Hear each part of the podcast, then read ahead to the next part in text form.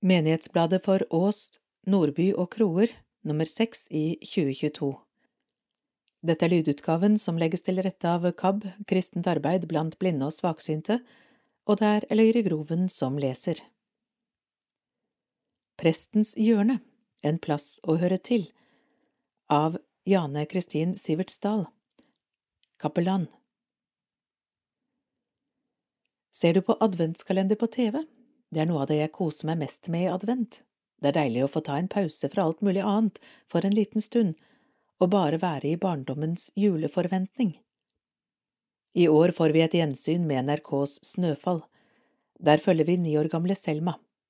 Foreldrene hennes døde for mange år siden, og Selma bor nå i midlertidig fosterhjem hos den tilsynelatende svært stramme og følelsesløse Ruth. Selma savner en familie. Hun savner å ha noen hun hører til hos.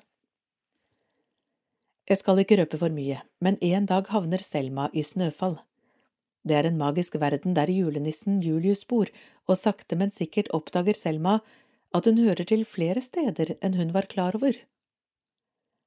Fortellingen om Selma får meg til å tenke på at Gud en gang kom til jorda som et lite barn som også trengte et sted å høre til. Jesu far, Gud, bor i himmelen, og der er han til stede for oss alle som et slags nærvær overalt.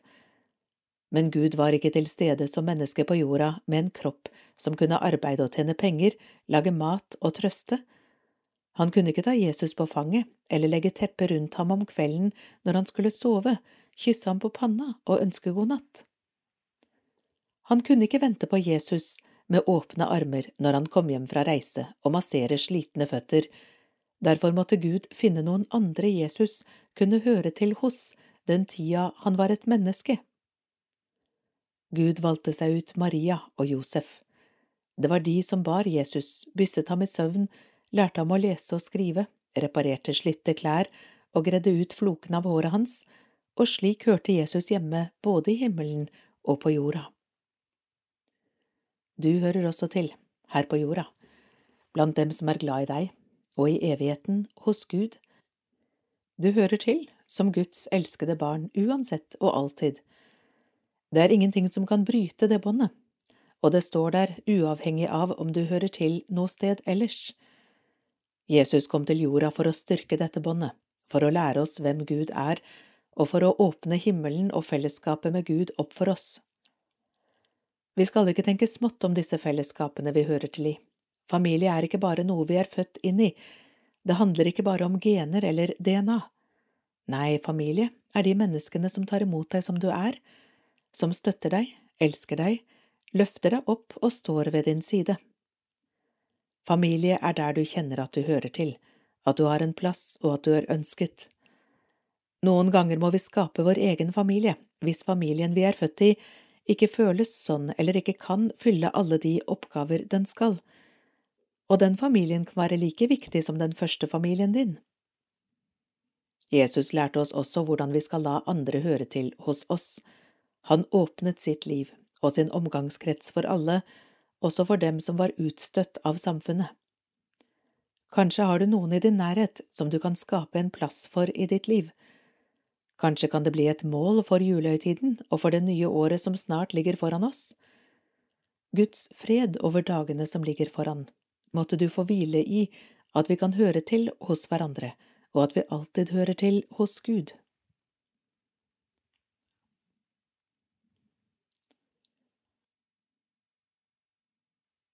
Biskopens juleandakt ved biskop Karimangerud Alsvåg Jeg liker så godt å vandre gatelangs i desember. Lysene som er tent i vinduene, gir meg det jeg ofte lengter etter på denne tiden av året, julestemning.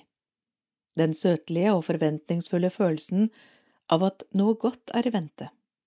Iblant siver lukten av pepperkaker ut fra et åpent kjøkkenvindu. Da kan jeg kjenne hvordan barnet i meg kroer seg og nærmest maler som en katt. Åh, kunne jeg bare bli barn igjen. I år tenker jeg ekstra mye på alle barn som ikke møter julen med en forventning om noe godt, barn som gruer seg, fordi de vet at deres voksne drikker mer enn ellers i julen. Fest og julestemning er ikke ord som bærer med seg gode følelser, men ubehag og frykt. og jeg tenker på barn som lever i hjem der det ikke er nok penger til å lage den julen man ønsker. Vi vet at mange av oss strever ekstra med det nå. Økte utgifter av alle slag gjør at det er vanskeligere enn på mange år å handle inn julemat og julegaver. I Ukraina og i andre krigsrammede land er muligheten for å feire jul avhengig av aggresjonsnivået i krigen. Vil det bli julefred? Slik noen soldater i skyttergravene under første verdenskrig selv valgte å ta en pause fra krigen og møtes i ingenmannsland til fredelig utveksling av gaver. Det fortelles at den korte freden ble innledet av at soldatene begynte å synge julesanger til hverandre fra skyttergravene. Glade jul, hellige jul. Tenk om det kunne blitt julefred på jord. Frykten for krig er med og preger livsfølelsen til mange av oss. De voldsomme rapportene fra katastrofer forårsaket av klimaendringene gjør mange redde for fremtiden, kraftkrisen og inflasjonen likeså. Det kan synes absurd å oppsøke julestemning midt i alt dette, men jeg gjør det likevel, fordi jeg trenger det. Jeg trenger en pause fra alt som skremmer og skaper uro. Jeg får styrke av å oppleve at det gode finnes og er like nært som et lys i et vindu eller duften av nystekte pepperkaker. Jeg tror soldatene i skyttergravene opplevde det samme, at når noe godt finner veien til oss og til våre hjerter, styrkes troen på at det onde ikke skal vinne, at mørket aldri skal overvinne lyset, og slik får vi ny kraft til å tro på morgendagen og kjempe for at den skal bli god. Midt i mørkeste natten ble verdens lys, Jesus Kristus, født i en stall i Betlehem. Det var ikke mye julestemning der. Det var dyr som skubbet mot hverandre, lukt av møkk og svette, og på alle måter kummerlige forhold å starte et liv i, men det skjedde likevel. Gud ble en av oss den natten. Vi trenger ikke frykte at Gud har forlatt oss når kriser truer og livet ser umulig ut. Nei, vi kan lytte til julefortellingens budskap om at Gud kommer til oss, midt i det mørke og vanskelige, og blir hos oss. Mørket skal aldri overvinne lyset, det er det som er julestemningens utømmelige kilde. Så kan vi mennesker tenne lys og skape julestemning for hverandre. Noen ganger trenger vi å ta imot fra andre fordi vi selv ikke har noe å gi. Andre ganger kan vi gi og dele av vårt for at en som trenger det, skal ha litt mer å lage jul av. Vi bærer hverandres liv i våre hender. La oss se hverandre og dele med hverandre, å være hos hverandre slik Gud er hos oss. Da kan julestemningen få vinger og varme mange menneskers skjelvende hjerter. Nå tennes tusen julelys. Det stråler rundt vår jord, og himmelens stjerner blinker ned til liten og til stor. Over land og by i kveld går julens glade bud om Han som fødtes i en stall, vår frelser og vår Gud. Du stjerne over Betlehem, send dine stråler ned, og minn oss om at julens bud er kjærlighet og fred. Til hvert et fattig hjerte send et lysstreif ifra sky, så finner det den rette vei, og det blir jul på ny.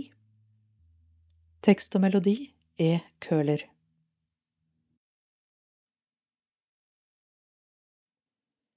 Kirkens Nødhjelp høygravid og på flukt. Katerina fra Odessa flyktet fra krigens grusomheter med babyen i magen. Det eneste jeg ber om er å føde i trygghet, sier hun. Hun husker godt den dagen krigen startet. Det var sent og hun hadde lagt seg for kvelden. Plutselig ble hun revet ut av søvnen og våknet av kraftige skudd. Jeg visste ikke hva som foregikk, og vi forsto ikke at krigen hadde startet før morgenen etter, forteller Katerina da vi møter henne på et flyktningsenter i byen Lassi i Romania. Fryktet for barnet i magen. Noen dager senere tok hun og familien den tunge beslutningen om å forlate Ukraina og komme seg i sikkerhet. Med barn i magen hun ville beskytte for enhver pris, hadde hun de siste dagene før flukten gjentatte ganger måttet søke dekning i bomberom da sirenene begynte å ule. Jeg fikk panikk og ville bare få babyen i magen i sikkerhet. Jeg klarte ikke å slappe av før vi krysset grensen, forteller Katerina. Flukten tok henne hit til senteret i Lassi. Her får hun trygghet, mat og omsorg. Det er godt å vite at hun nå får all den hjelp hun trenger for å føde barnet sitt i trygge omgivelser uten å trenge å frykte bomber og granater fra krigens herjinger i hjemlandet. På senteret her i Lassi bidrar Kirkens Nødhjelp med blant annet mat og senger og med forebyggende tiltak mot menneskehandel. En trygg fødsel Katerina flyktet fra krigen sammen med moren, tanten og katten sin. Barnefaren til den kommende babyen måtte bli igjen i hjemlandet.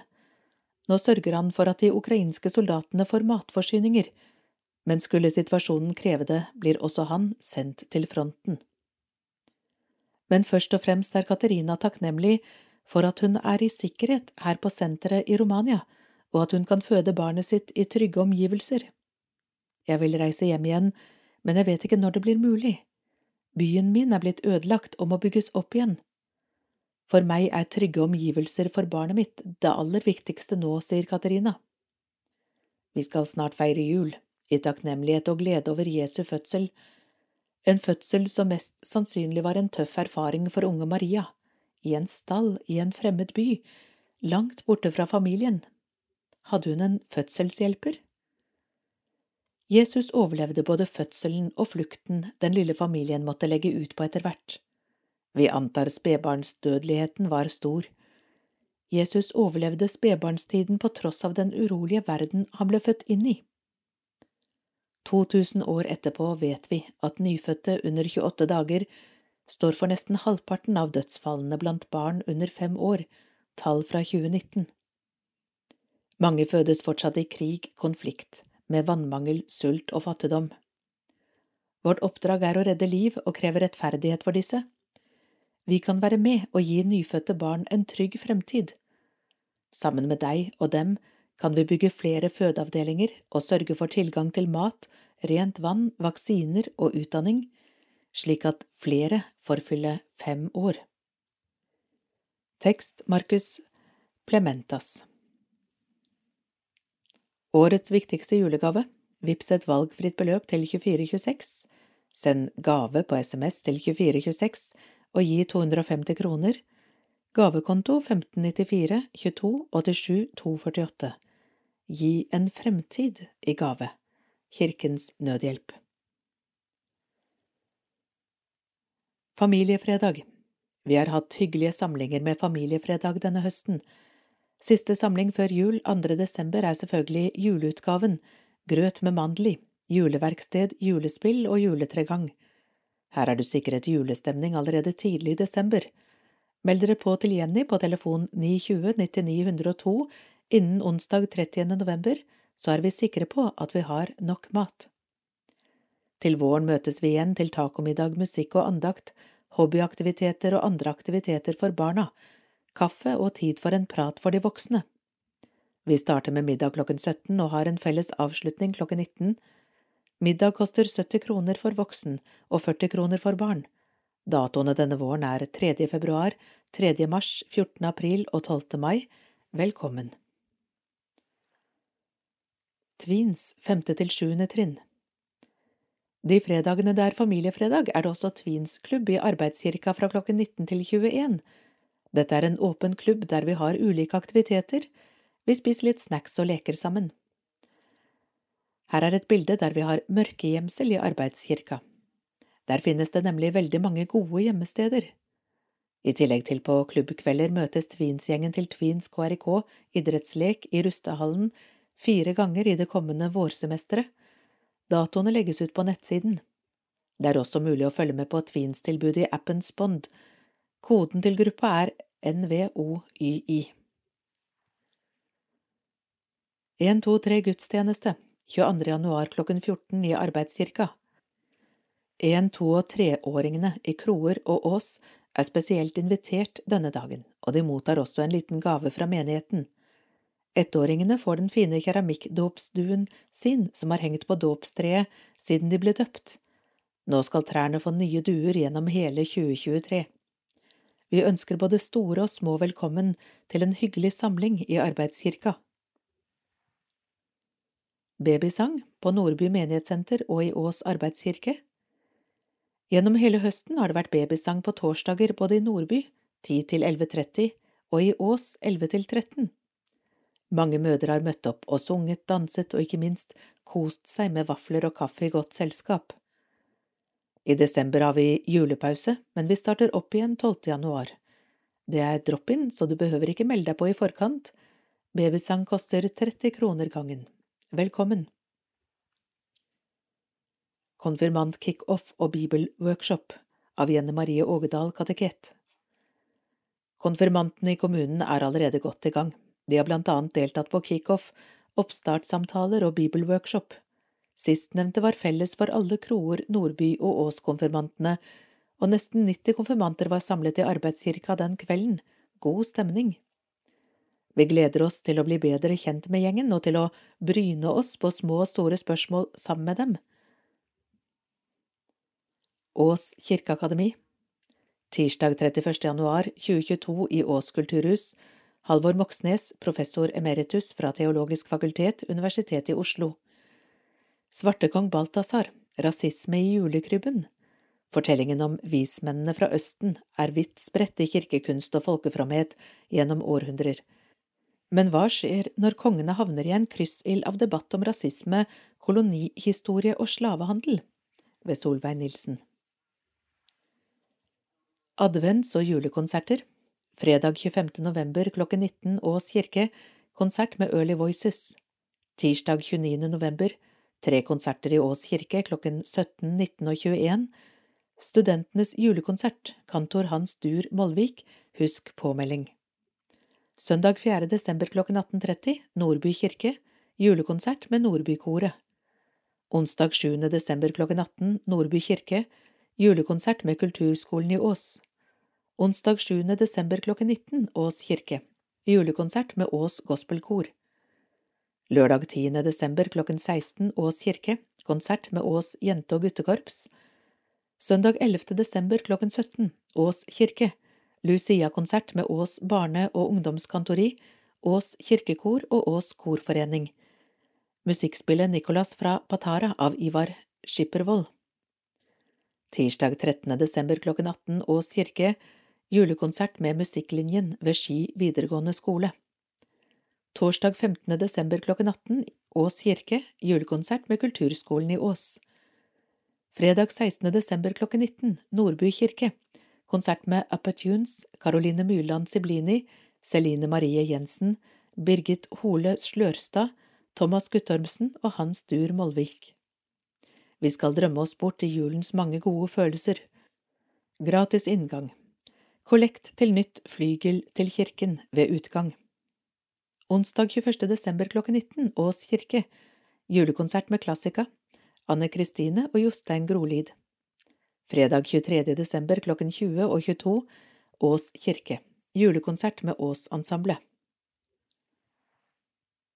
Julekonsert med elever og lærere fra Kulturskolen.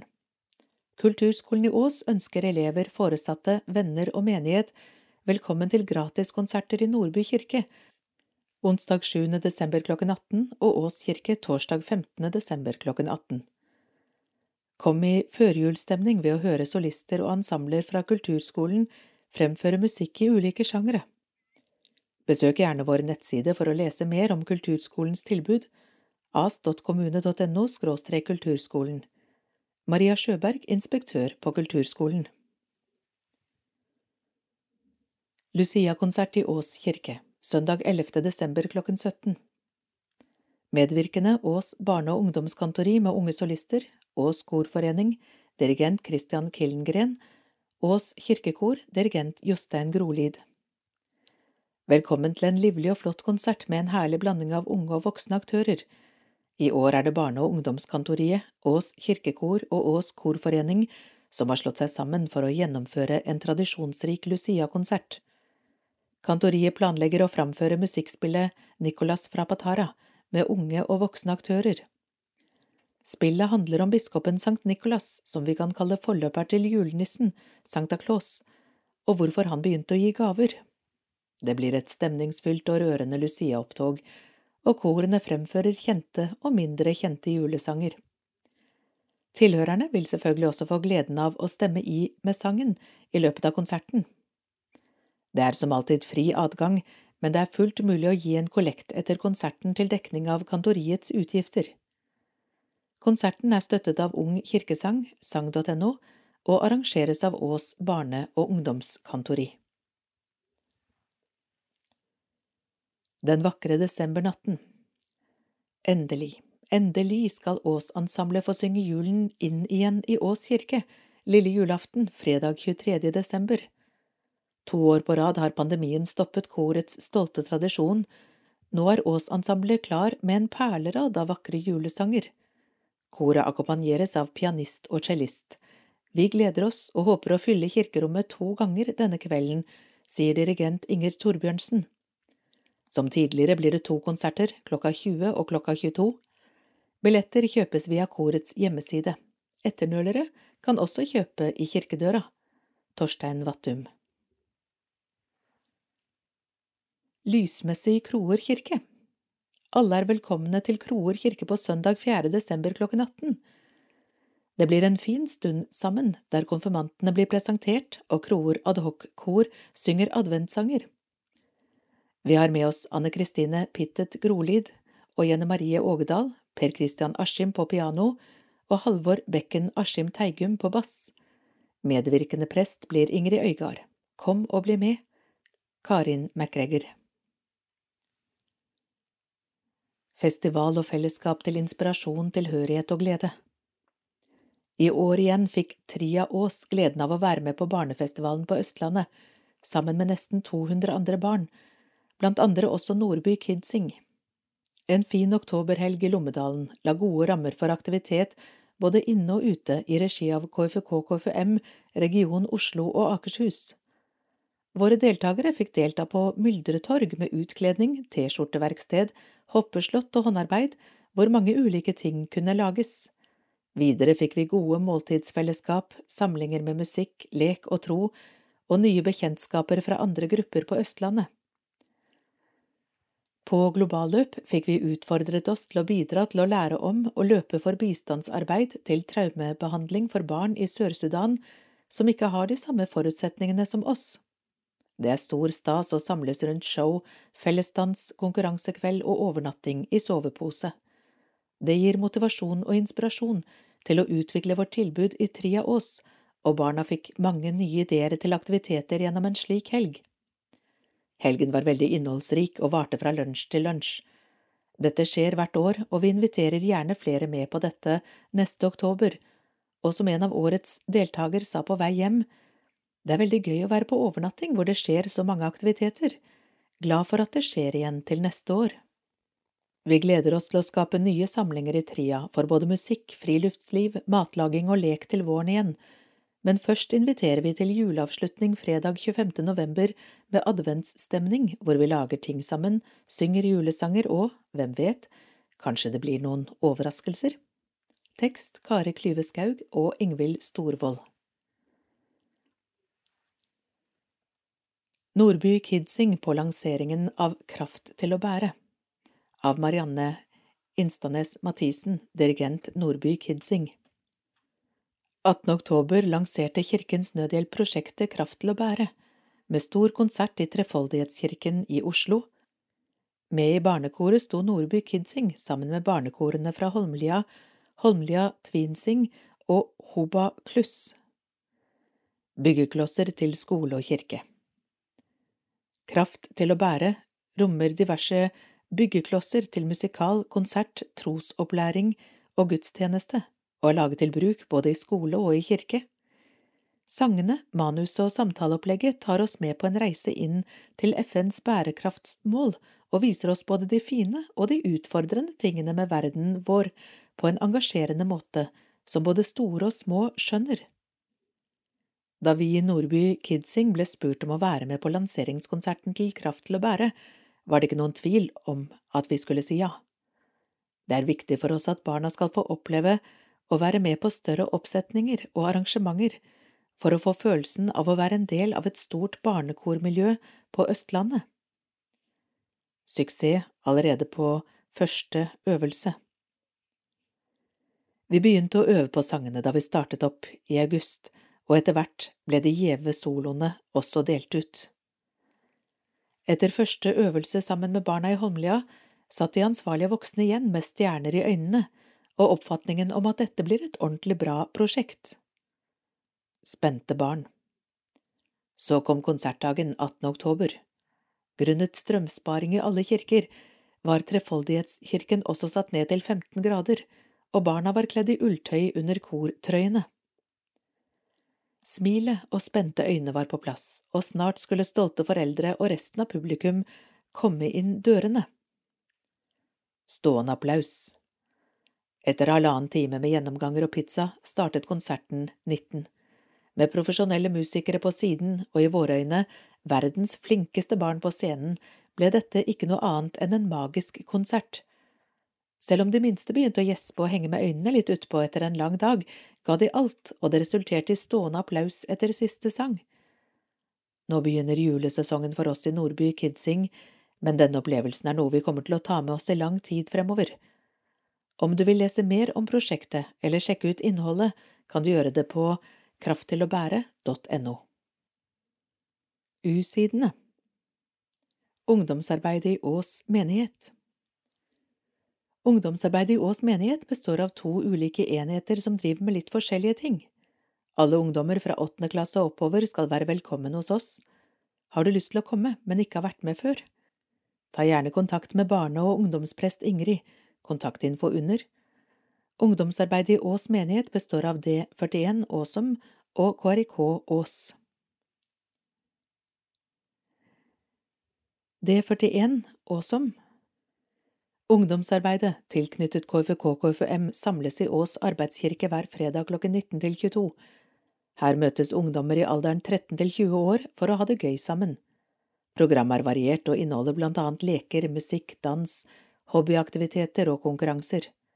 Her kan også ungdommene være med å bestemme programmet og komme med innspill til hva de ønsker å gjøre disse fredagskveldene. I løpet av kvelden har vi også en samling hvor vi tenner lys, leser en bibeltekst og får høre noen fortelle om sin tro. I D41 reiser vi også på turer og festivaler i regi av KFK og KFM. Du er hjertelig velkommen til å delta i fellesskapet. Programmet frem til jul er følgende.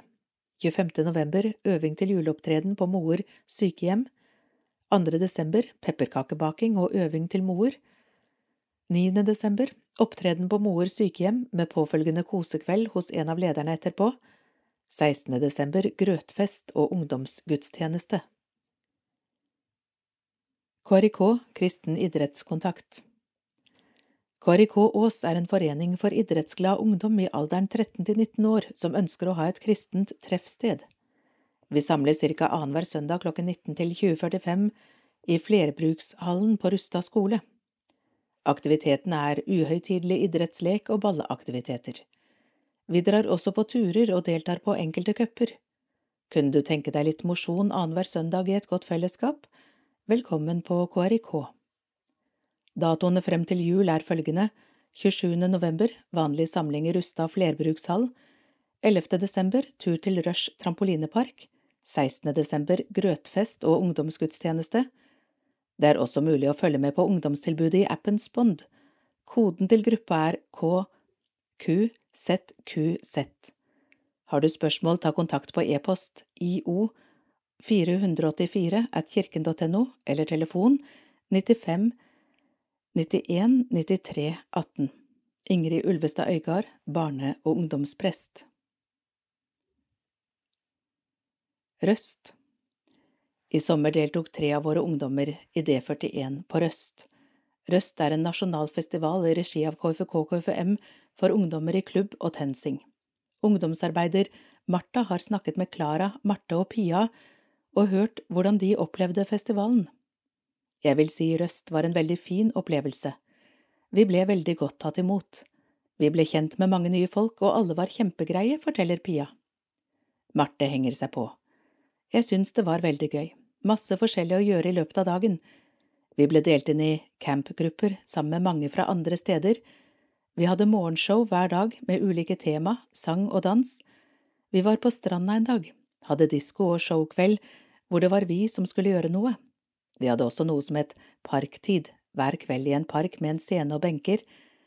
Det var en kiosk der med litt godteri og sånt. Alt i alt en veldig fin og lærerik opplevelse som jeg ikke kommer til å glemme.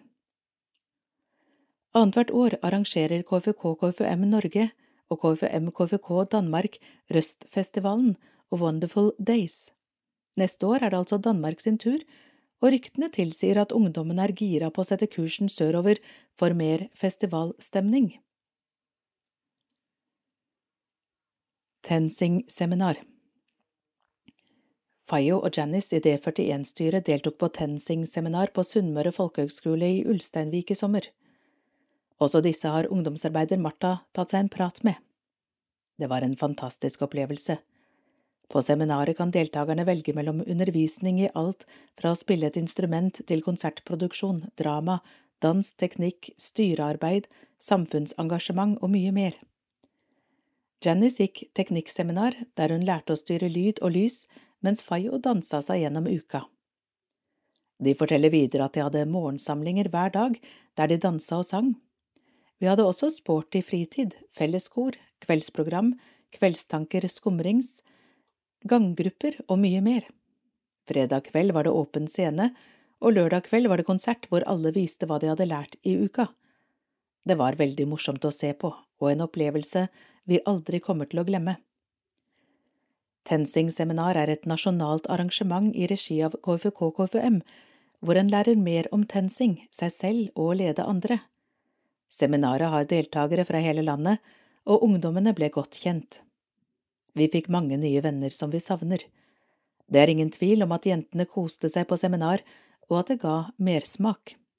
Utrolig gøy, lærerikt og bare helt fantastisk, egentlig. Ja, helt enig, vi skal tilbake neste år. Tekst Marta Johanne Pedersen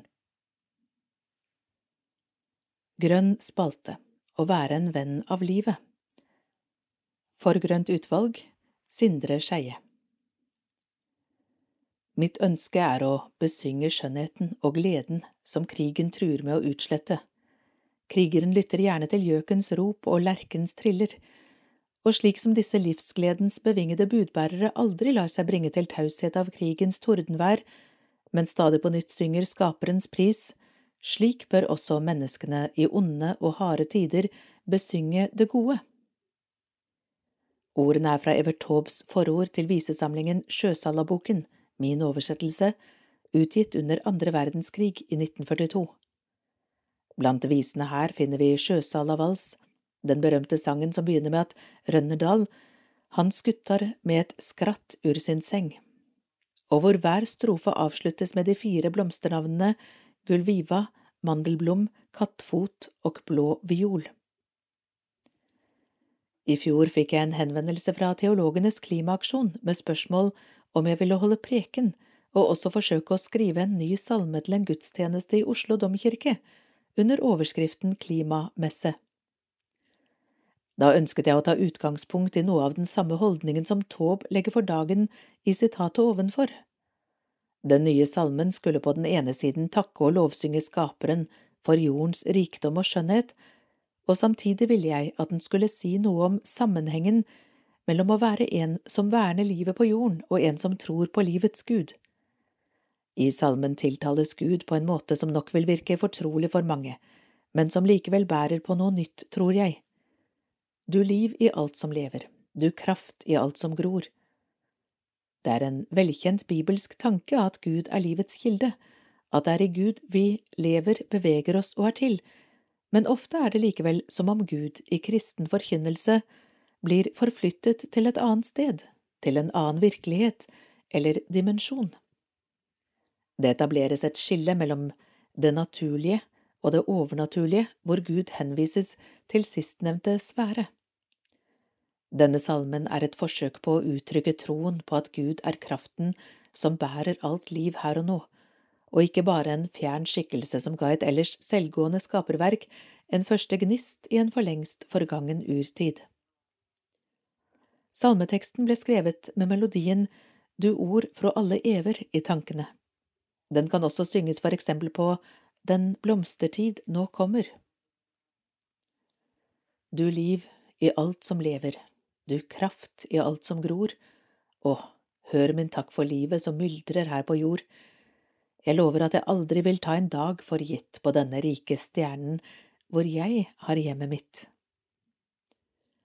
Når makten stadig stjeler det livet lever av, tar våre fjell og skoger, vårt åkerland, vårt hav, må noen stå og hegne om det som er igjen, og hver og en som våger skal kalles livets venn.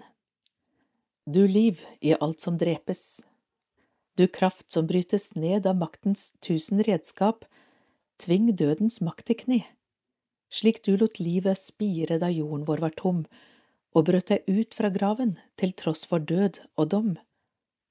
Sindre Skeie 2021 Gjør det lille du kan av Gromette Rønningen, supplert av Terje Sørhaug, Diakoniutvalget. Gjør det lille du kan er en salme av Lina Sandell som kom til å bety mye for meg i livet. At det lille jeg gjorde betød så mye, var godt for meg å høre. Gjør det lille du kan der hvor Gud har deg satt, stå ei ledig mens dagene flyr. Etter vår kommer høst, og på dag følger natt, og kan hende en ny morgen ei gryr. Mens det ennå er tid, så Guds ord på ditt sted, og din gjerning skal modnes i fred. Lina Sandell Diakoni er kirkens omsorgstjeneste. Den er evangeliet i handling og uttrykkes gjennom nestekjærlighet, inkluderende fellesskap, vern om skaperverket og kamp for rettferdighet, heter det i Plan for diakoni, Den norske kirke 2020. Nå har vi endelig fått vår diakon i menighetene. Karen Elisabeth Lund Dahl ble ansatt våren 2020. Hun startet et forbilledlig arbeid, men ønsket jobb nærmere bostedet og sluttet etter et år. Halvor Bekken Askim har vokst opp i Ås og er nå etablert med bosted her, så vi har håp om at han blir en stund, en god kar i denne flotte jobben. Diakoni har for meg vært og blitt en hjertesak. Det er så viktig at troen vår gir resultater i medmenneskelighet. Jeg ble med i diakoniutvalget i Ås menighet fra 2007. Behovet for en diakon i Ås var åpenbart for meg, og jeg fulgte spent med på to utvalg som utredet diakonbehovet i Ås kommune i 2009 og i 2011. Konklusjonene var klare, vi trengte en diakon for syke og eldre. Jeg var med i menighetsrådet for Ås fra 2009 til 2019. Der ble det en del saksbehandling, også i diakonsaken. Etter hvert ble det enighet om å etablere et diakonifond. Fondet ble viktig for Diakoniutvalgets søknader om diakon-diakoniprosjekter, og til slutt også en hel diakonstilling. Prost Hege Fagermoen brakte fram behovet i Borg bispedømme ved utlysing av midler, og vi ble tildelt 200 000 per år fast for en ungdomsdiakon. Prost og kirkeverge, stab og menighetsråd dro prosessen videre til det ble mulig å etablere en hel stilling. I Kroer, Nordby og Ås har vi nå del i en prostidiakon for Søndre Follo og en heltidsansatt diakon spesielt for ungdom.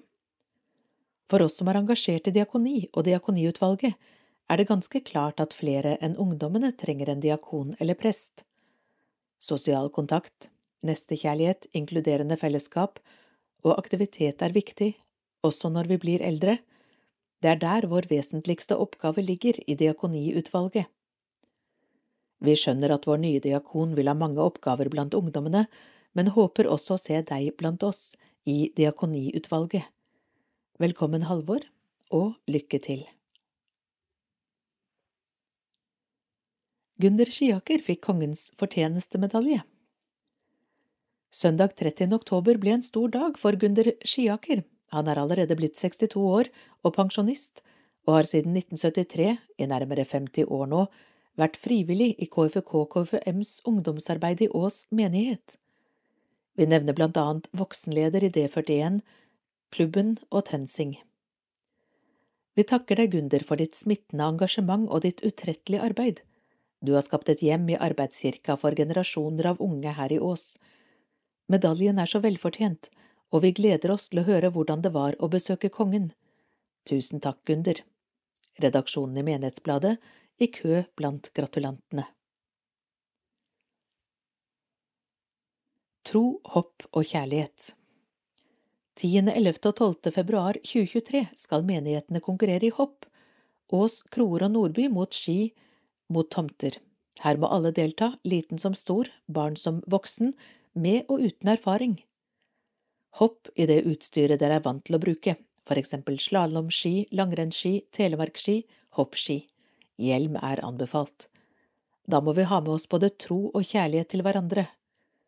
Kollenhopp kommer med kjente hoppere, og det blir premier. 10. februar samles vi på Ramlapinnen ved Ås kirke klokken 18. Det blir en kort bønn for alle hopperne før vi setter utfor. Sognepresten og prosten hopper selvfølgelig også. Det blir individuell premiering av lengste hopp og premiering av hvilken menighet som hopper lengst. 11. februar samles vi i Ellingsrudkollen i Ski klokken ti for frihopping, deretter bønn for hopperne klokken tolv, før hopprenn klokken 12.30. Proster og prester hopper her også. Søndag 12. februar samles vi i Granskollen i Tomter, frihopping fra klokken ti, deretter gudstjeneste med nattverd i Unnarennet, før vi kjører hopprenn klokken 13. Her hopper selvfølgelig også prest, prost, skriver og fut. Sammenlagt premieutdeling klokken 14. Tekst Hans Dur Molvik Quiz 1. Juleevangeliet som leses julaften er fra Lukas kapittel 2. Hva leses som evangelium første juledag? 2. Når feires juledag i Georgia, landet, ikke staten i USA? 3. På Island spiser mange hankikjøtt på julaften. Hvilket kjøtt er det? Fire. Hvem var landshøvding i Syria da Jesus ble født, ifølge Lukas? Fem. Mange ser på Tre nøtter til Askepott på julaften. Hvilket år ble den spilt inn? Seks. Har Mikke og Mine Mus vært gift? Sju. Hvem skrev teksten til Jeg er så glad hver julekveld? Åtte. Fullfør denne strofen, tre neste ord. Eg heiter Håvard Hedde og er så… prikk, prikk, prikk. Ni. I England er andre juledag en stor fotballdag, hva kalles dagen der? Ti. Luciadagen markeres 13. desember. Hvilken øy kom Santa Lucia fra? Fasit til quiz 1. Johannesevangeliet kapittel 1 2. 7. januar Landet er ortodokst 3. Lammekjøtt 4. Kvirinius 5. 1973 6. Ja i filmen Mickey's Nightmare fra 1932 7. Marie Vekselsen. 8. Ven ein kar 9. Boxing Day 10. Cecilia Mimrespalten Kirkens Nødhjelp er 75 år Tekst Jon K.R. Øyestad Kirkens Nødhjelp, KN, ble etablert i 1947, og fra begynnelsen av 60-tallet var det ikke bare nødhjelp som sto på programmet. Det første langsiktige prosjektet tok for seg jordbruksutvikling i Nigeria. To sentrale familier fra Ås reiste da til det vestafrikanske landet. Kirkens Nødhjelp 75 år Brød, vann, fred og forsoning. Kirkens Nødhjelp ble stiftet i oktober 1947 da Menighetspleiernes Landsforbund satte i gang en egen innsamlingsaksjon for nødlidende mennesker i Tyskland. Derfor kan KN se tilbake på 75 års virksomhet i år. I dette menighetsbladet velger vi å mimre om åsfolk som har vært aktive i KN. Nigeria i Vest-Afrika ble KNs første bistandsland med jordbruksprosjekt i Abakaliki i 1962. Prosjektet hadde en stab av svært motiverte fagfolk fra Norge og fra Ås. Deretter kom nødhjelpen til sultrammede i Biafra i 1966. Mange forbinder ennå med Elias Berge, den sunnmørske fiskerpresten som fortvilet vendte hjem fra krigens herjinger og ba det norske folk om hjelp. Folk svarte i en grad som vi aldri har sett siden. Ås-profiler i Kirkens Nødhjelp Halvor Askim, 1937 til 2005, dro som fersk agronom sammen med kona Tove til Nigeria i 1962 til KNs nyoppretta jordbruksprosjekt i Abakaliki. Halvor var knytta til utvikling av jordbruk i området, og Tove arbeidet med stort engasjement for mor, barn og helse. Dette skulle bli starten på et livslangt bistandsengasjement med et særlig landfokus på Nigeria, Kenya, Sudan og Sør-Sudan. Halvor veksla mellom ulike stillinger hjemme og ute, og med land- og prosjektansvar på KNs hovedkontor i Oslo. I perioden 1987 til 1994 var Halvor utenlandssjef hjemme og stedlig representant for Øst-Afrika, med sete i Nairobi. Dette ga Halvor Askim en spesiell innsikt og forståelse av konflikten mellom sør og nord i Sudan, og medførte at han ble norsk spesialutsending for Utenriksdepartementet i langvarige forhandlinger som førte fram til at Sør-Sudan fikk selvstendighet som nasjon. Halvor Askim fikk stor anerkjennelse for innsatsen gjennom sitt engasjement. Lokalt kom dette til uttrykk ved at Ås Rotary Klubb tildelte ham sin høyeste utmerkelse, Paul Harris, i 2005. Arne Pedersen, president i klubben det året, foretok utdelingen, og han har gjort seg disse refleksjonene i ettertid. Sitat, Jeg skulle bare ønske at Halvor hadde fått utmerkelsen tidligere, det hadde han fortjent. Dette var tanker jeg hadde under Halvors begravelse i en overfylt Ås kirke. En begravelse er nesten alltid trist, men den kan også være noe mer. Det gikk nok opp for mange at hans innsats, særlig i Afrika, hadde vært uvanlig og langt mer betydningsfull enn det de fleste kjente til. I begravelsen var Afrika representert ved Paride Taban, katolsk biskop i Sør-Sudan, dette som et symbol på den brobygging Halvor representerte. Fra tidligere kjente jeg til arbeidet i Kenya og hjelpearbeidet med den dramatiske luftbroen fra Sao Tomé. Hans arbeid i Sudan var mindre kjent, men kanskje det viktigste. Under begravelsen vandret mine følelser, fra det triste til en takknemlighet for alt det Halvor Askim hadde fått utrette. Sitat slutt. Edvard Nordrum, 1925–2002, hadde utdannelse både som veterinær og som sivilagronom. Han var den første bistandsarbeideren KN sendte ut til et langsiktig bistandsprosjekt. Etter tre år i Nigeria flyttet han og familien til Ås, der Edvard var forsker på Norges landbrukshøgskole. I 1968 arbeidet han for Det lutherske verdensforbund under Biafra-krisen, og i to år fra 1979 var han landbrukskoordinator i KNs Sudan-program. Fra 1976 var Nordrum leder for personalavdelingen ved KNs hovedkontor. Hans siste engasjement var som prosjektleder for organisasjonens hiv- og aids-arbeid, nytt og ganske kontroversielt den gangen. Edvard var også medlem av styret i Norad. Mange er klar over at Edvard Nordrum hadde et aktivt engasjement for kirken, og menighetslivet her i Ås. Han var nøktern i sin livsførsel og hadde en egen evne til å få kontakt med folk både ute og hjemme. Utallige historier verserer om hans mange påfunn og kreative ideer. Edvard Nordrum fikk Kongens fortjenestemedalje i gull. Atle Sommerfelt, den gang generalsekretær i KN, uttalte ved den anledningen Edvard valgte bort en komfortabel akademisk karriere til fordel for det å tjene andre. For Kirkens Nødhjelp har han tatt på seg pioneroppgaver og vært med på å lede organisasjonen i viktige overgangsfaser. Det er med stor glede vi ser at Nordrum mottar Kongens fortjenstmedalje i gull. Fasteaksjonen I menighetene er Kirkens Nødhjelps fasteaksjon en årevis dugnad der konfirmanter og menigmann i bygda møtes til innsats for medmennesker i nød. Vi har utfordra Astrid Tønnesen Berg til å fortelle om arbeidet hun gikk inn i da familien kom til Ås etter fire år i Sør-Sudan for KN. Ganske fort ble jeg med i fasteaksjonskomiteen, der Astrid Syrstad var leder. Senere tok jeg over ansvaret som leder, frem til vi flytta fra Ås i 2013. Vi hadde særlig fokus på to sider. Det ene var konfirmantenes plass i aksjonen. Når vi tømte bøssene deres, var det mindre med penger der enn hos voksne bøssebærere. Noen år prøvde vi å gi dem andre aksjonsoppgaver, men vi landet på at det var viktigere å inkludere de unge i denne flotte dugnaden enn at vi mistet noen kroner. Det andre vi la mye arbeid i, var fastekafeen.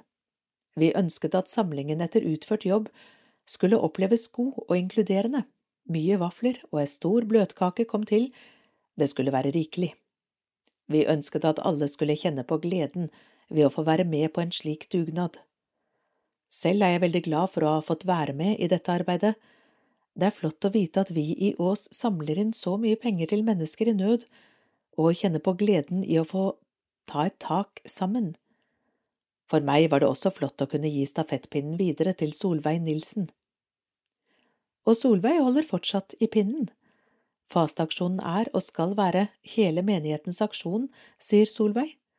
Folk i alle aldre deltar sammen med konfirmanter og foreldre. Statistikken fra 2002 til 2022 viser at antall personer har variert fra 121 til 218 på innsamlingsdagen. I 2022 var det spennende å starte opp med dør-til-dør-aksjon igjen etter pandemien.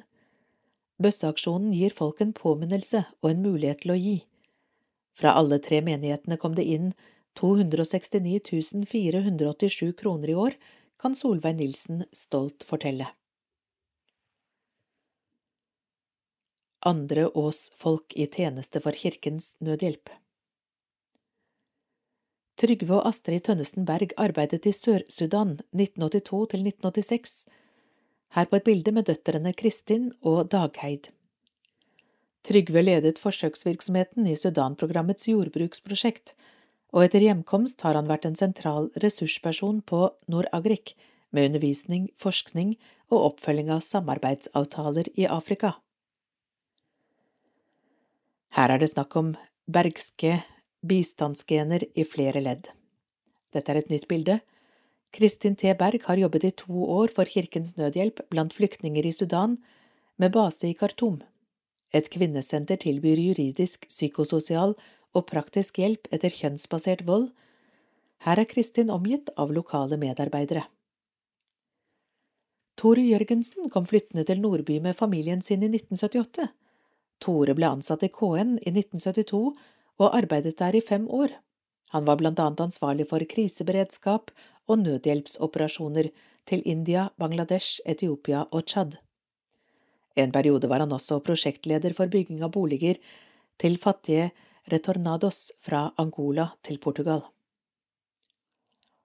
Bjørn Rødsand og familien kom flyttende til Nordby da de vendte hjem fra Sør-Sudan i 1979. Bjørn jobbet som KN-sekondert på trykkeriet i Juba i to år. I Nordby var Bjørn svært menighetsaktiv, både som sekretær og leder i menighetsrådet. Jon K.R. Øyestad var med på etableringen av Kirkens Nødhjelps distriktsutviklingsprogram i Sør-Sudan. I perioden 1975 78 arbeidet han med å fremme samvirkeaktiviteter blant lokale bønder. Fra 1969 til 1987 var han prosjektleder ved hovedkontoret i Oslo.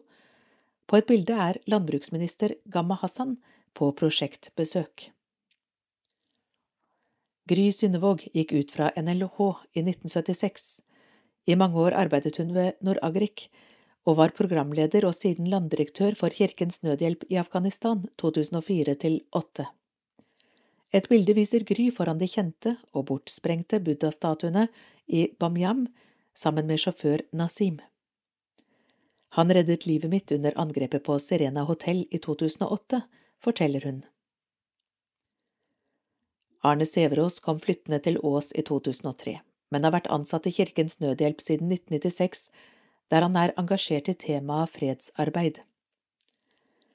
Han har solid Afrikabakgrunn, spesielt fra Etiopia, og er klar på at konflikter må løses lokalt og involvere alle parter.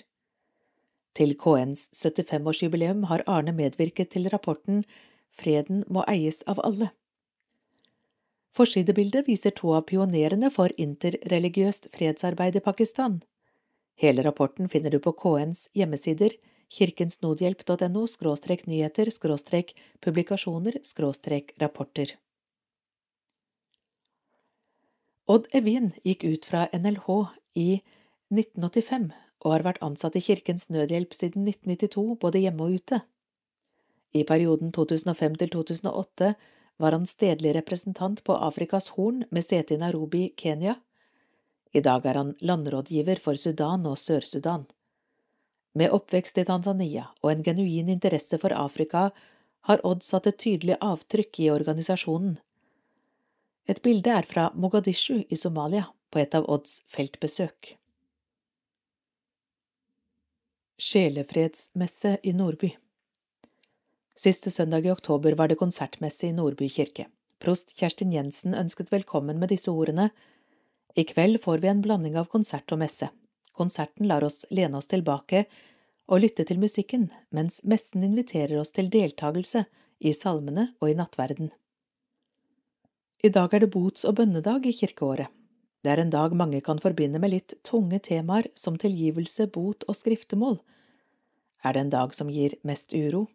Hva har det med sjelefred å gjøre? Sjelefreden på bots- og bønnedag, den kan vi finne når vi får legge av det tunge vi bærer på, og får puste fritt. Vi håper det skal bli rom for nettopp det i kveld. Kirketreff i Nordby Velkommen til kirketreff i Nordby på torsdager.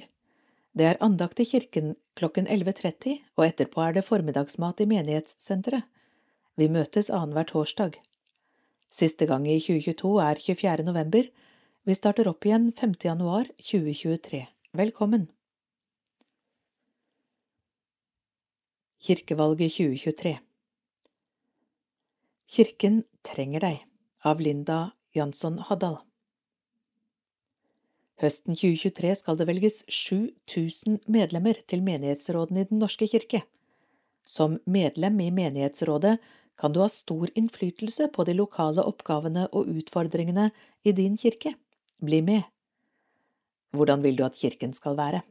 Du har mulighet til å påvirke ved kirkevalget. Kirken er et mangfoldig fellesskap. Ulike meninger og ulikheter gjør fellesskapet rikere. Derfor trenger vi nettopp deg i menighetsrådet i Kroer, Nordby eller Ås. Hva gjør menighetsrådet? Menighetsrådet leder menighetens virksomhet der du bor. Som medlem i menighetsrådet kan du ha stor innflytelse på de lokale oppgavene og utfordringene i din kirke. Menighetens arbeid spenner over mange temaer, blant annet miljø og rettferdighet, gudstjeneste, musikk, misjon, barne- og ungdomsarbeid samt juss- og økonomiforvaltning. Hver uke inviterer Den norske kirke til tusenvis av folk til aktiviteter, gudstjenester og kulturopplevelser. Ser du nærmere på arbeidet med gudstjenester, omsorg for utsatte mennesker, dåp og trosopplæring, konfirmasjon og ungdomsarbeid, kor og kirkemusikk, vern om skaperverket og mye mer, vil du oppdage et mangfold av mennesker og tjenester. Menighetsrådet skal oppnevne en nominasjonskomité som skal nominere kandidater. Det er i tillegg anledning for andre til å levere inn egne kandidatlister. Ta kontakt med Linda på kirkekontoret dersom du ønsker å stille til valg, eller vil foreslå kandidater til et av menighetsrådene. Din kirke, ditt valg, du kan bidra. Ås bibliotek Bokanbefalinger til barn og unge ved Helene Fagerhus, leder i barne- og ungdomsavdelingen på Ås bibliotek. Høst er lesetid for mange, også for mange barn og unge. For når det ikke er like fristende å leke ute, og det stadig blir mørkere på kveldstid, er det hyggelig å ha en god bok å kose seg med innendørs. Her kommer noen tips til nyere bøker for både barnehagebarna og ungdomsskoleelevene, og alle dem imellom. Vi starter med de yngste. Det er blitt gitt ut mange gode billedbøker de siste årene, men jeg vil trekke frem Nattsvermerne av Sunniva Sunde Krogseth og Bak den svarte porten av Anders Bortne. Begge er litt skumle, men har et dypere lag som åpner for ettertanke. Illustrasjonene er vakre på hver sine måter, og det er noe magisk over helhetsinntrykket. For dem som har begynt på skolen og gjerne vil lese litt selv, vil jeg anbefale biografiserien til Gyldendal, Små folk, store drømmer. Her kan leserne bli inspirert av historiene til blant annet mor Teresa og Coco Chanel. Spennet er stort. I tillegg vil jeg løfte frem tegneseriene til Nora Dåsnes, der Ti kniver i hjertet passer for lesere fra ni år, mens oppfølgeren La skogen leve kanskje passer bedre til dem på elleve til tolv, og ikke minst Ubesvart anrop, som er en sterk skildring av et ungt liv i tida etter 22. juli-terroren, og som passer for dem på rundt 15 år og oppover, også voksne. Jeg har også lyst til å nevne boka til den lokale forfatteren Siv C. Christiansen, Halvhodingene. Dette er en spennende fantasybok som jeg selv ikke har rukket å lese ferdig, for det er nemlig venteliste på den her på biblioteket, som passer for alle drømmere fra elleve år og oppover. Hvis man heller vil ha noe koseligere, kan Kjendiskjæresteserien til Kirsti Kristoffersen være noe å varme seg på for dem som går på ungdomsskolen. Og kjenner du noen som er enda litt eldre og gjerne vil lese om kjærlighet? Da er serien Halve kongeriket av Anne Gunn Halvorsen og Randi Fuglehaug virkelig et hot tips. Kurs i freds- og forsoningsarbeid i Etiopia av Sofie Kuspert Rakoton Draini, redigert av Sylvi Haldorsen. I Etiopia er det fremdeles alvorlige kamper mellom folkegrupper i nord som ønsker uavhengighet, og den etiopiske hæren. Krigen omfatter heldigvis ikke området i Vest-Etiopia, der Ås menighet støtter arbeid, men det er også lokale konflikter her. Det gjør samarbeid mellom ulike folkegrupper vanskelig, og er en hindring for det humanitære arbeidet i vårt misjonsprosjekt. Misjonsselskapet NMS prøver å spille en aktiv rolle i forsoningsarbeid. Tidlig en morgen ble vår Etiopia-kontakt Sofie Kuspert Rakoton Draini oppringt fra et ukjent nummer. I andre enden var det en stemme som sa Vi ønsker at du skal komme til Lideta menighet og lære oss om fred. Sofie svarte at det ville hun jo selvfølgelig gjerne, men at slikt måtte avklares med lokale medarbeidere. Derfor ringte hun lederen av fredskontoret i Mekane Jesuskirken og spurte om det var mulig å få hjelp til å arrangere en workshop. Hun fikk et positivt svar tilbake. Kort tid etter var sekretæren fra fredskontoret, Miss Wonchet Hailu, i full sving med å forberede tiltaket. Hun organiserte et egnet rom, inviterte frivillige og ansatte i menigheten og forberedte mat og drikke. Wonchet er selv en frivillig medarbeider i Mekane Jesus-menigheten. Hun tok seg ikke betalt for å organisere fredsworkshopen, og heller ikke de andre som hjalp til, fikk betalt. Representanter fra fredskontoret og Sofie samarbeidet om innholdet på workshopen. Dagen begynte med å snakke om hva som er fred og hva som er konflikt. Hva er egentlig vold? Ofte forbindes vold med fysisk utøvelse av vold, men vold kan også være psykisk, strukturell eller kulturell. Noen ganger kan også en kirke utøve vold. Etter denne innledende delen lærte deltakerne om ulike former for konfliktanalyse. Det kan være fristende å ønske å begynne med å bygge fred, men det er ikke lurt å begynne med dette før man har en god analyse av den lokale situasjonen. Man kan ikke begynne med fredsaktiviteter før man ser situasjonen fra ulike sider og har funnet fram til faktorene som driver konflikten videre. Dessuten må man ikke ha for høye mål. Sofie presiserer at global eller nasjonal fred ikke var hovedpunkt i workshopen. Deltakerne måtte begynne med å analysere sitt eget nabolag. Jeg skal begynne med meg selv, sa en av deltakerne. Vi er så takknemlige for at dere tok dere tid til å hjelpe oss i gang med dette arbeidet, sa Wojnchet. Hun føler at de har fått et innblikk i hvordan de som menighet kan forstå konflikter, og hvordan de kan håndteres. Men det trengs nok mer enn én dag før komiteen føler at de mestrer arbeidet. Man trenger ikke å ha en utdannelse på dette feltet for å gjøre en positiv forskjell i lokalsamfunnet. Det viktigste er at man tør å ta fatt og ikke glemmer å lytte. La oss derfor håpe at dette lille lokale tiltaket vil gi bedre samarbeid i prosjektområdet vårt. Selv om dette er et lite bidrag, kan det kanskje sees som en del av et mye større arbeid for fred og forsoning mellom folkegrupper i Etiopia. Ås barne- og ungdomskantori. Første øvelse i 2023 er mandag 9. januar. Kor i SFO-tiden for barn fra andre til fjerde klasse.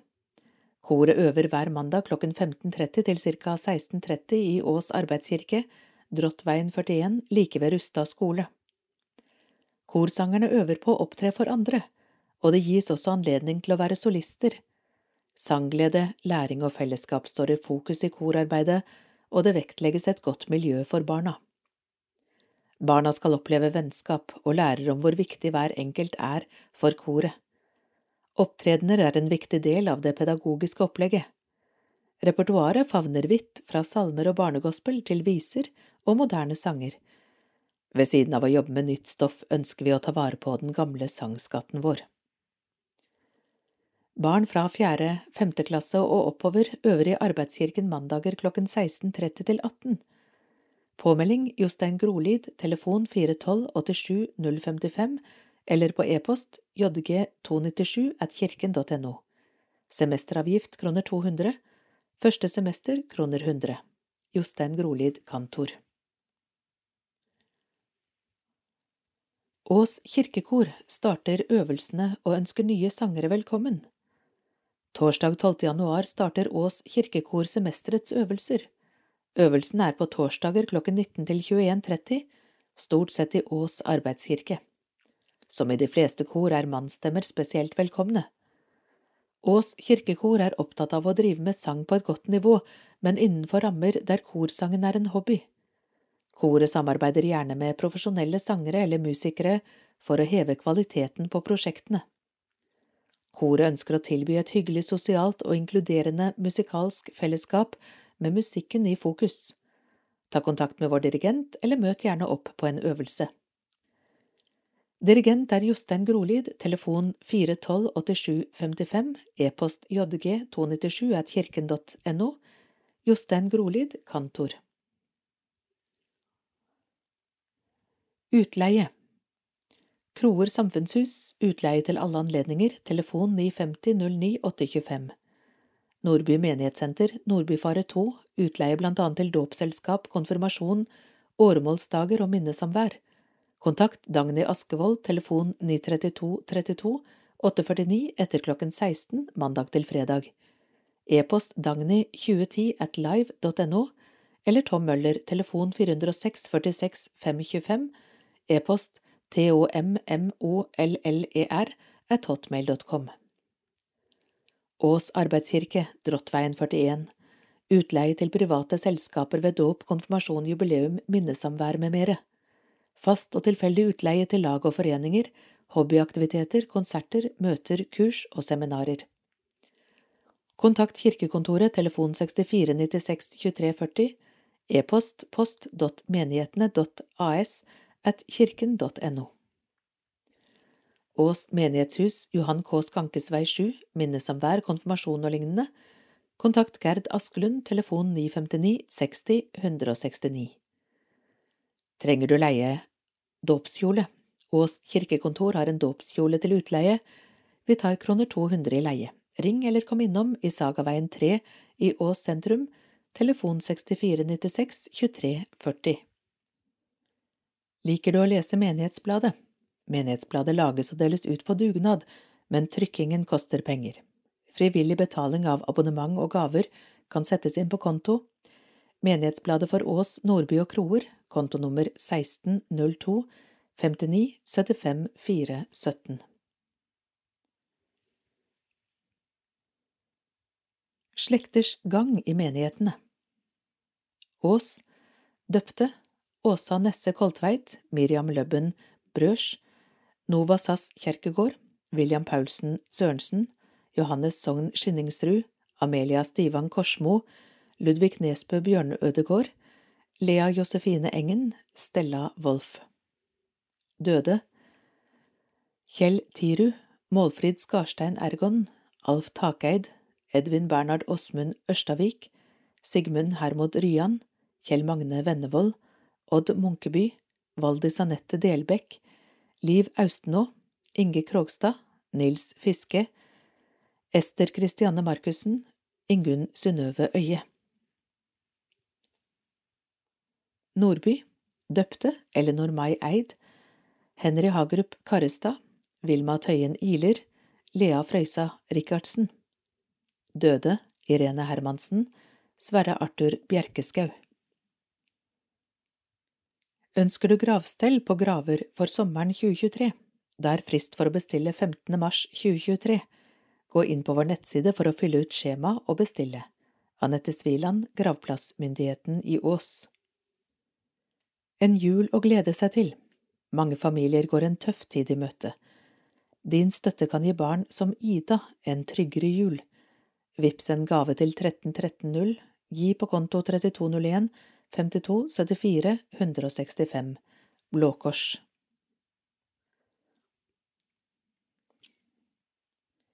Velkommen til kirke. 27. november, første søndag i adventstiden, Matteus 21, 1–11, inntoget i Jerusalem, Ås arbeidskirke 11, gudstjeneste for liten og stor, Nordby kirke 17, lysmesse. 4. desember, andre søndag i adventstiden, Johannes 14, 1–4, Jeg vil ta dere til meg, Nordby kirke klokken 11, gudstjeneste, Kroer kirke 18, lysmesse med konfirmantpresentasjon.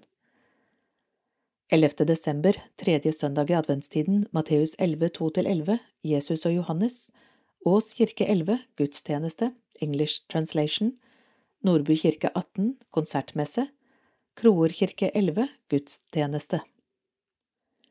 Fredag 16. desember, Ås arbeidskirke 21, ungdomsgudstjeneste.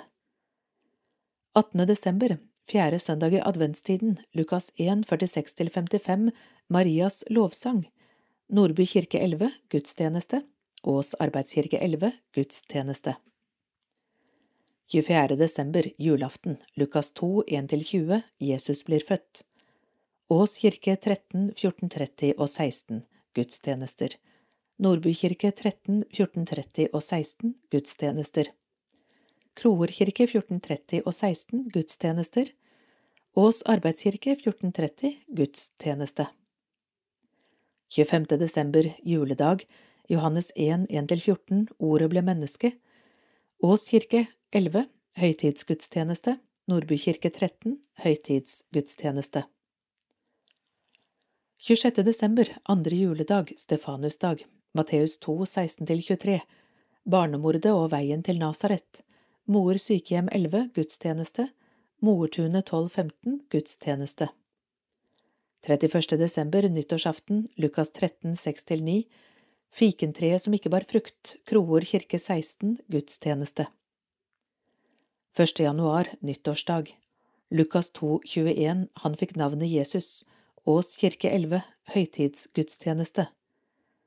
8. januar, Kristi åpenbaringsdag, Matteus 2, 1–12, Vismennene hyller Jesus, Nordby kirke 11, gudstjeneste, Ås arbeidskirke 11, gudstjeneste. 15. januar, andre søndag i åpenbaringstiden, Matteus 3, 13–17, Jesus blir døpt, Ås kirke 11, gudstjeneste, Nordby kirke 18, konsertmesse, Kroer kirke 11, gudstjeneste. 22. januar, tredje søndag i åpenbaringstiden, Johannes 2, 1–11, bryllup i Kana, Nordby kirke 11, gudstjeneste, Ås arbeidskirke 14, 123, gudstjeneste. 29. januar, fjerde søndag i åpenbaringstiden, Lukas 18, 35–43, Den blinde ved Jeriko, Nordby kirke 14, 123-gudstjeneste, Kroer kirke 11, gudstjeneste, Ås arbeidskirke 20, kveldsgudstjeneste, KRIK-gudstjeneste. 4. februar, dåpslørdag, Nordby kirke 11, dåpsgudstjeneste. 5. februar, såmannssøndag, Lukas 8, 4–15, Såmannen og jordsmonnet. Ås kirke 11, gudstjeneste, Nordby kirke 11, gudstjeneste. 12. februar, Kristi forklarelsesdag, Matteus 17, 1–9, disiplene får se Jesu herlighet, Ås arbeidskirke 11, karnevalsgudstjeneste, Nordbykirke 11, karnevalsgudstjeneste, Kroerkirke 11, gudstjeneste. Digital kirke Følg med på nettsiden kirken.no skråstrek as og Facebook-sidene at Kroer Nordby As-menigheter for oppdaterte oversikter og nye gudstjenester på nett. Oversettelse Enkelte gudstjenester simultanoversettes til engelsk, Hodetelefoner for lytting lånes ut ved inngangen. Menighetsbladet for Ås, Nordby og Kroer nummer seks i 2022 slutt.